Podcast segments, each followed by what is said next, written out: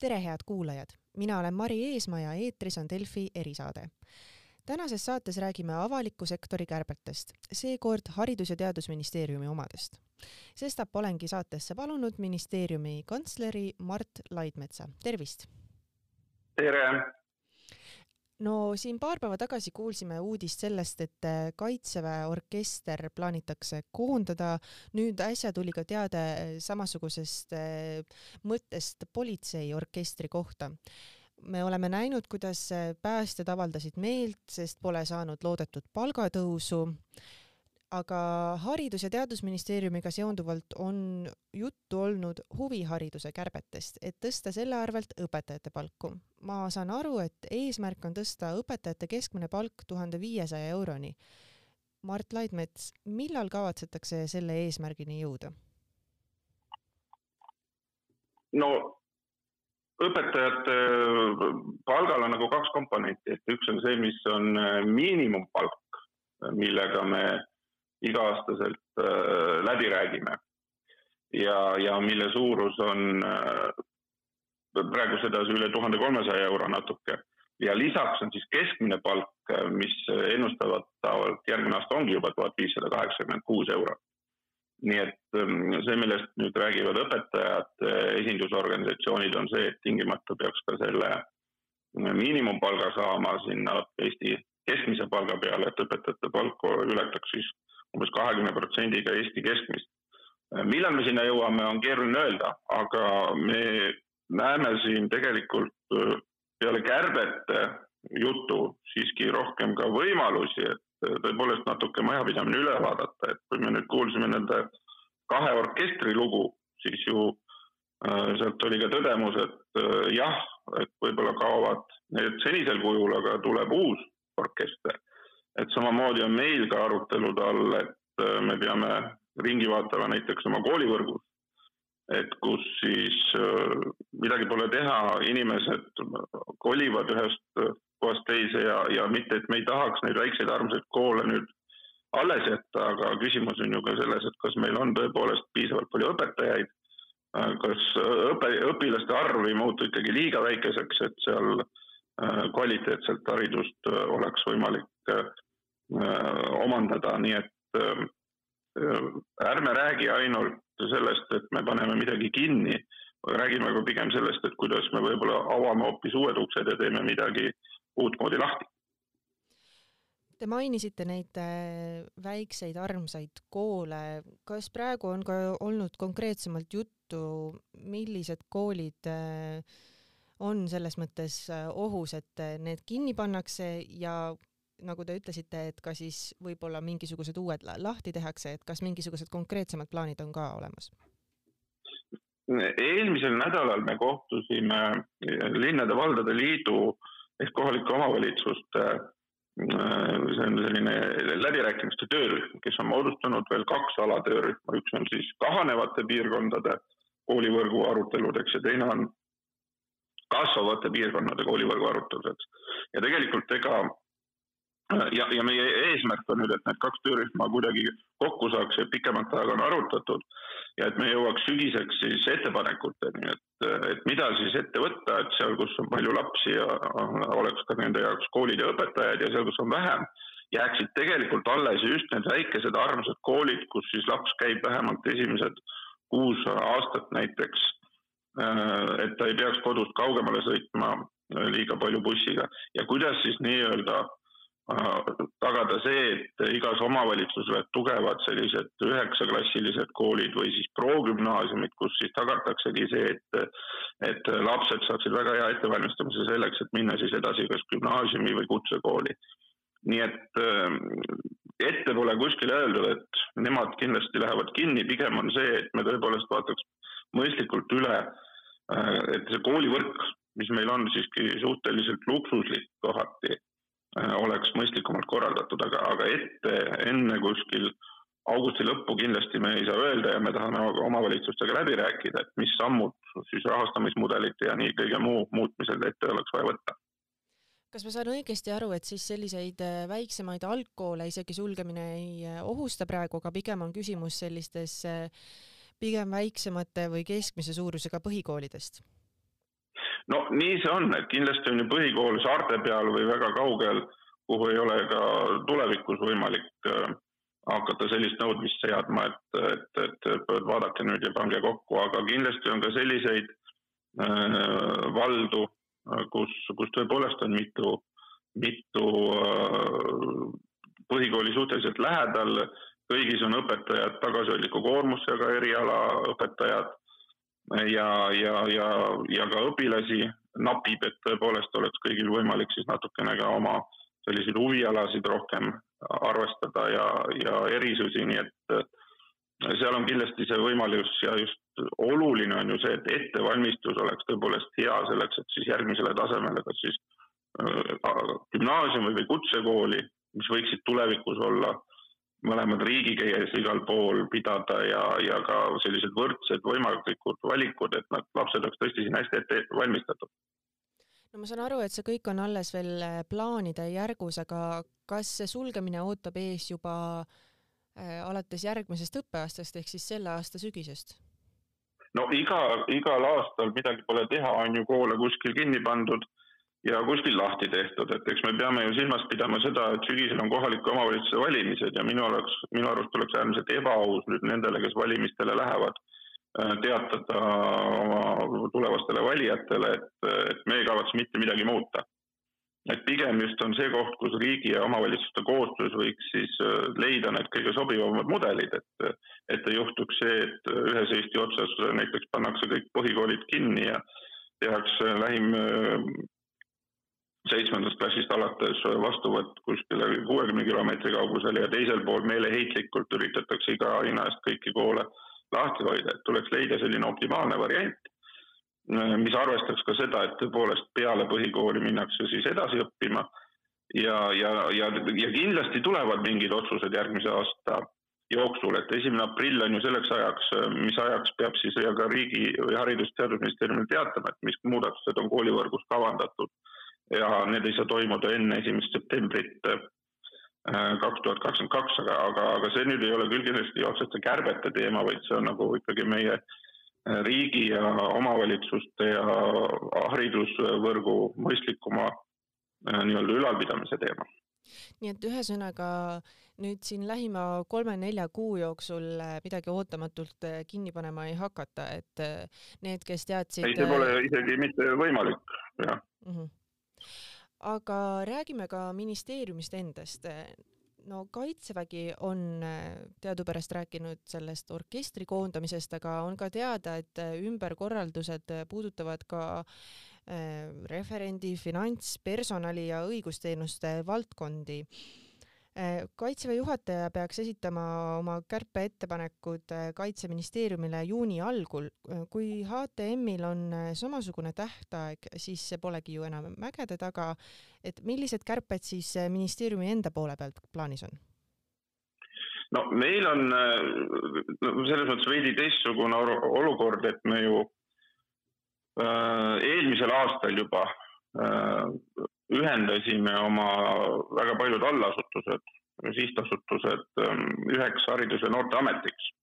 Ja kaasa arvatud nüüd äh, oleme nad ka koondanud äh, nii-öelda nii Tartus kui Tallinnas äh,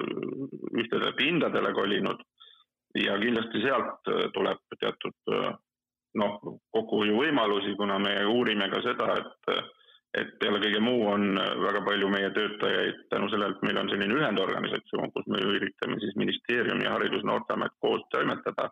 meil on palju töötajaid mitte ainult Tartus, kus on siis ministeeriumi peamaja, vaid ka äh, regioonides, kus on Rajaleidja keskused, et, et õppida parimatest praktikatest, et võib-olla näiteks meil kontoripinda polegi tulevikus enam nii palju vaja, et igaüks peab käima ja istuma, et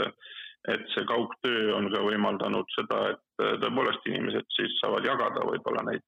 kohti ja niikuinii äh, on sellest ametnikust suhteliselt vähe kasu, kes ei käi ka vaatamas, kuidas siis koolis, lasteaias või huvikoolis ikkagi elu käib ja ehk liikumist on palju, et üks on koht on kindlasti see, et võib-olla lihtsalt kontoripind, aga teisalt eks me vaatame ka oma tegevused üle, et kui me nüüd asutused oleme kokku pannud, siis me ei räägi siin ainult sellistest tugitegevuste kokkuhoidmisest, aga ikkagi ka sellest, mida siis äh, Eesti rahval vaja on selleks, et meie haridus, noorte keele teadus- ja, ja arhiivipoliitikaid saaks ilusti ellu viidud, ehk ehk me kindlasti vaatame üle nii, nii meie ülesanded kui ka selle, kus ja mismoodi me siis paikneme ruumides. aga midagi konkreetset praegu välja tuua?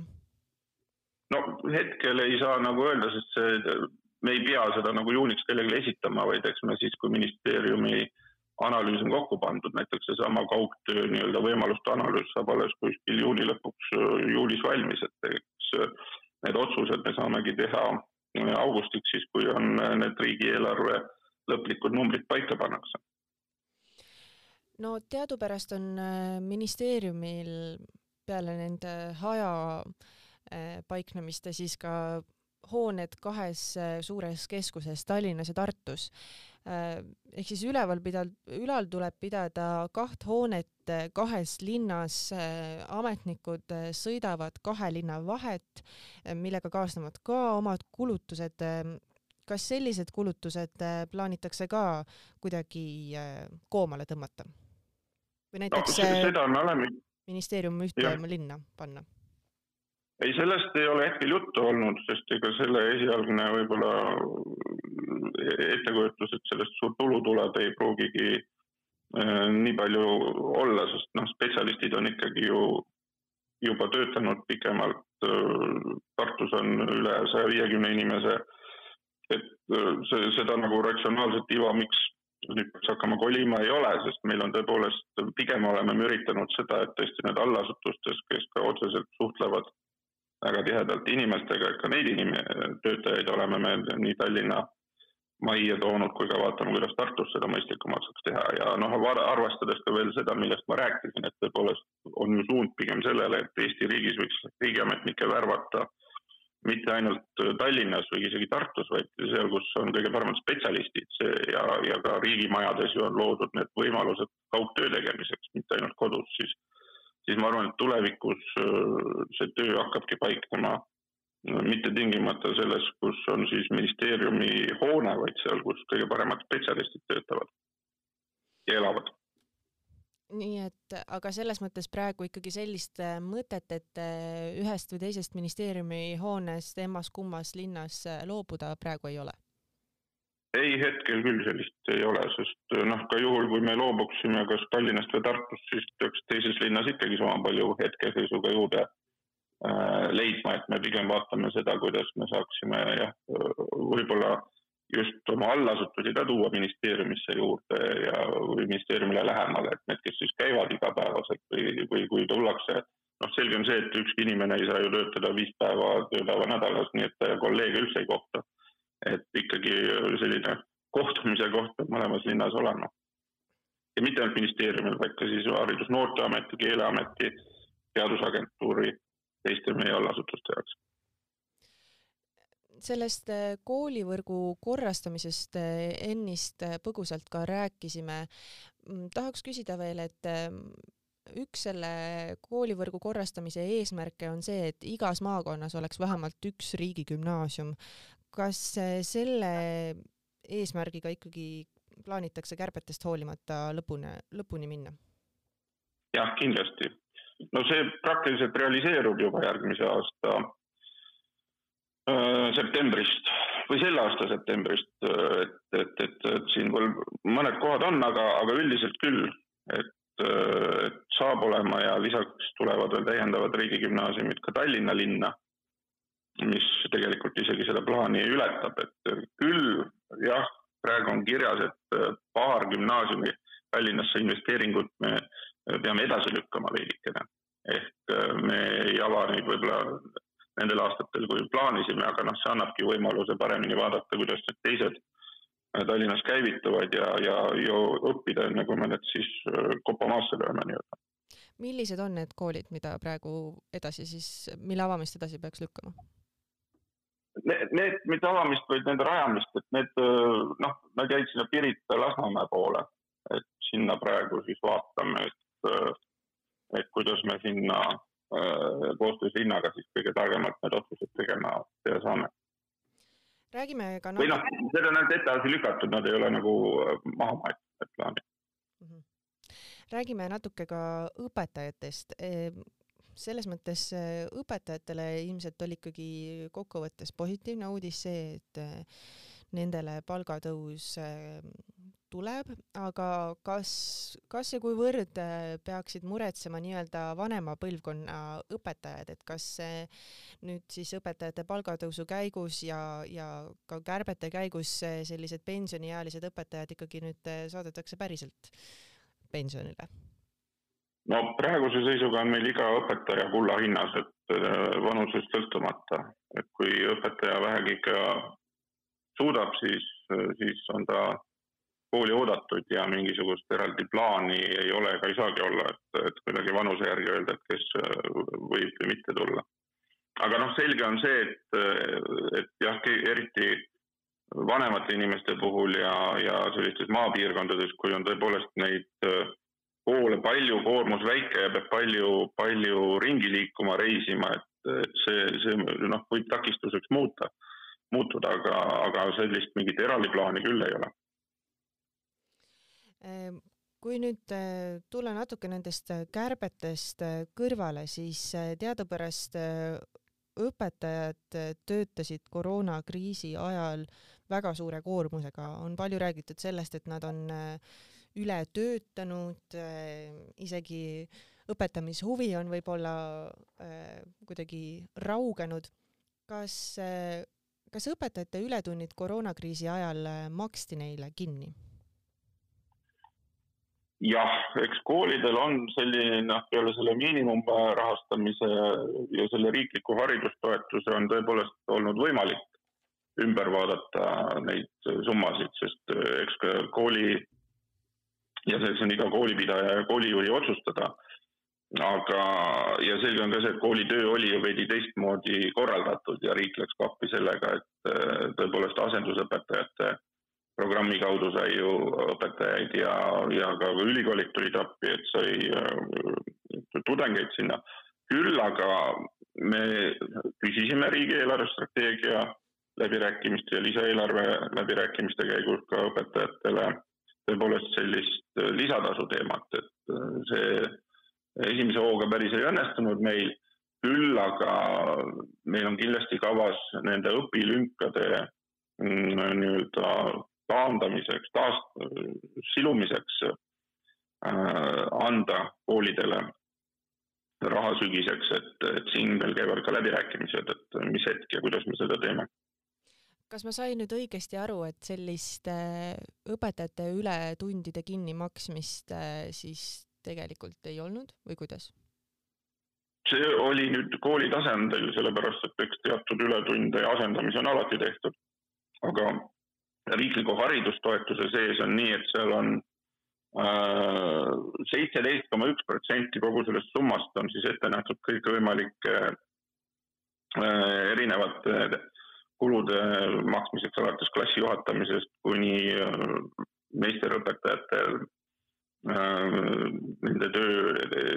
erakordseks tunnustamiseks. sealt seest on seda võimalik teha ja lisaks sellele ma ütlen, et see on nagu riigi poolt toetus koolipidajale ja, ja, ja iga omavalitsus on saanud siis panna ja ma tean, et meil on omavalitsusi, kes on suhteliselt suurte summadega õpetajate lisatööd äh, kinni maksnud, aga see on väga paljus kinni selles samas koolipidajas ehk omavalitsused. riigil on sinna väga keeruline sekkuda aga kas ministeerium näiteks tegi mingisuguseid pistelisi kontrolle, kas kohalikud omavalitsused ikka kasutavad seda raha siis äh, õpetajate ületundide kinnimaksmiseks? õpetaja palgaraha ei saagi kohalik omavalitsus mujale kasutada kui õpetajate palga. nii et äh, seal, seal minu teada meile küll kaebusi ei ole tulnud. Ja viimase teemana, mida tahaks puudutada, on ka tasuta või siis tasuline kõrgharidus, et viimasel ajal on sellest aina enam äh, räägitud, kuidas tasuta kõrgharidus ei ole enam jätkusuutlik. näiteks Tartu Ülikool on ka juba katsetamas variante tasulisuse suunas, näiteks sügisest kaob ära võimalus õigusteaduste magistriastme sessioonõppes tasuta õppida. kas nüüd kärpega seoses jõuab äh, meieni tasuline kõrgharidus ka lähiajal? no siin jälle samamoodi, et me ei pea sellistest suurtest ühiskondlikest arengutest rääkides alati kärpest ainult rääkima, et me võime ka vaadata, rääkida võimalustest, mis siis uued situatsioonid avavad, ehk tõepoolest, tõsi on ju see, et kui tasuta kõrgharidus loodi, siis riik pani sinna üsna olulise summa, üle neljakümne miljoni sisse, et kõik saaksid tasuta õppida. Ja noh, see vaidlus käib siiamaani, et kas ülikoolid, kõrgkoolid siis äh, ka vastutasuks optimeerisid oma õppekavasid ja ei konkureeri nii tingimata üksteisega ainult, vaid teevadki suuremat koostööd, et seda Eesti rahva tõepoolest mitte ju liiga suurt rikkust äh, nii-öelda veidikene liiga lihtsalt kasutada ja eks ülikoolid ongi ju kokku tõmmanud oma tegemisi ja õppekavasid, aga ja, ja ka hakanud rohkem koostööd tegema ja, ja see olukord tõepoolest selline on, et, et kõigeks praegu raha ei jätku enam. ja Haridus- ja Teadusministeerium on väga tõsise analüüsi kätte võtnud, et kui me tõepoolest äh, lubame kuskil suuremal mahul seda tasulist Ähm, kõrge, nii-öelda kõrgharidusest tasu võtmist, et mida see siis täpsemalt tähendab, et see ei saa kindlasti toimuda nii, et üleöö äh, kehtestatakse õppemaks, sest alati on neid õpilasi, kes äh, oleks väga tublid üliõpilased, kuid neil ei äh, jätku vahendeid, see tähendab seda, et ka sotsiaalsete garantiide süsteem peab sellega kohe kaasas käima, et sellist otsust ei saa kindlasti uisapäisa teha kindlasti sellised kriisiajad küll aga panevad kiiremini tegutsema ja neid analüüse varem lõpetama, et siis saaks otsused langetada, see on tõsi. aga hetkel ei ole mingisugust otsust sellega. aga millal te arvate, et äh, selline otsus, et lähme nüüd üle tasulisele kõrgharidusele ja selle juures need sotsiaalsed garantiid, olgu see õppelaen, äh, stipendiumid või midagi muud, et millal see otsus tuleb? No kindlasti mitte enne, kui see analüüs valmis saab. Ja,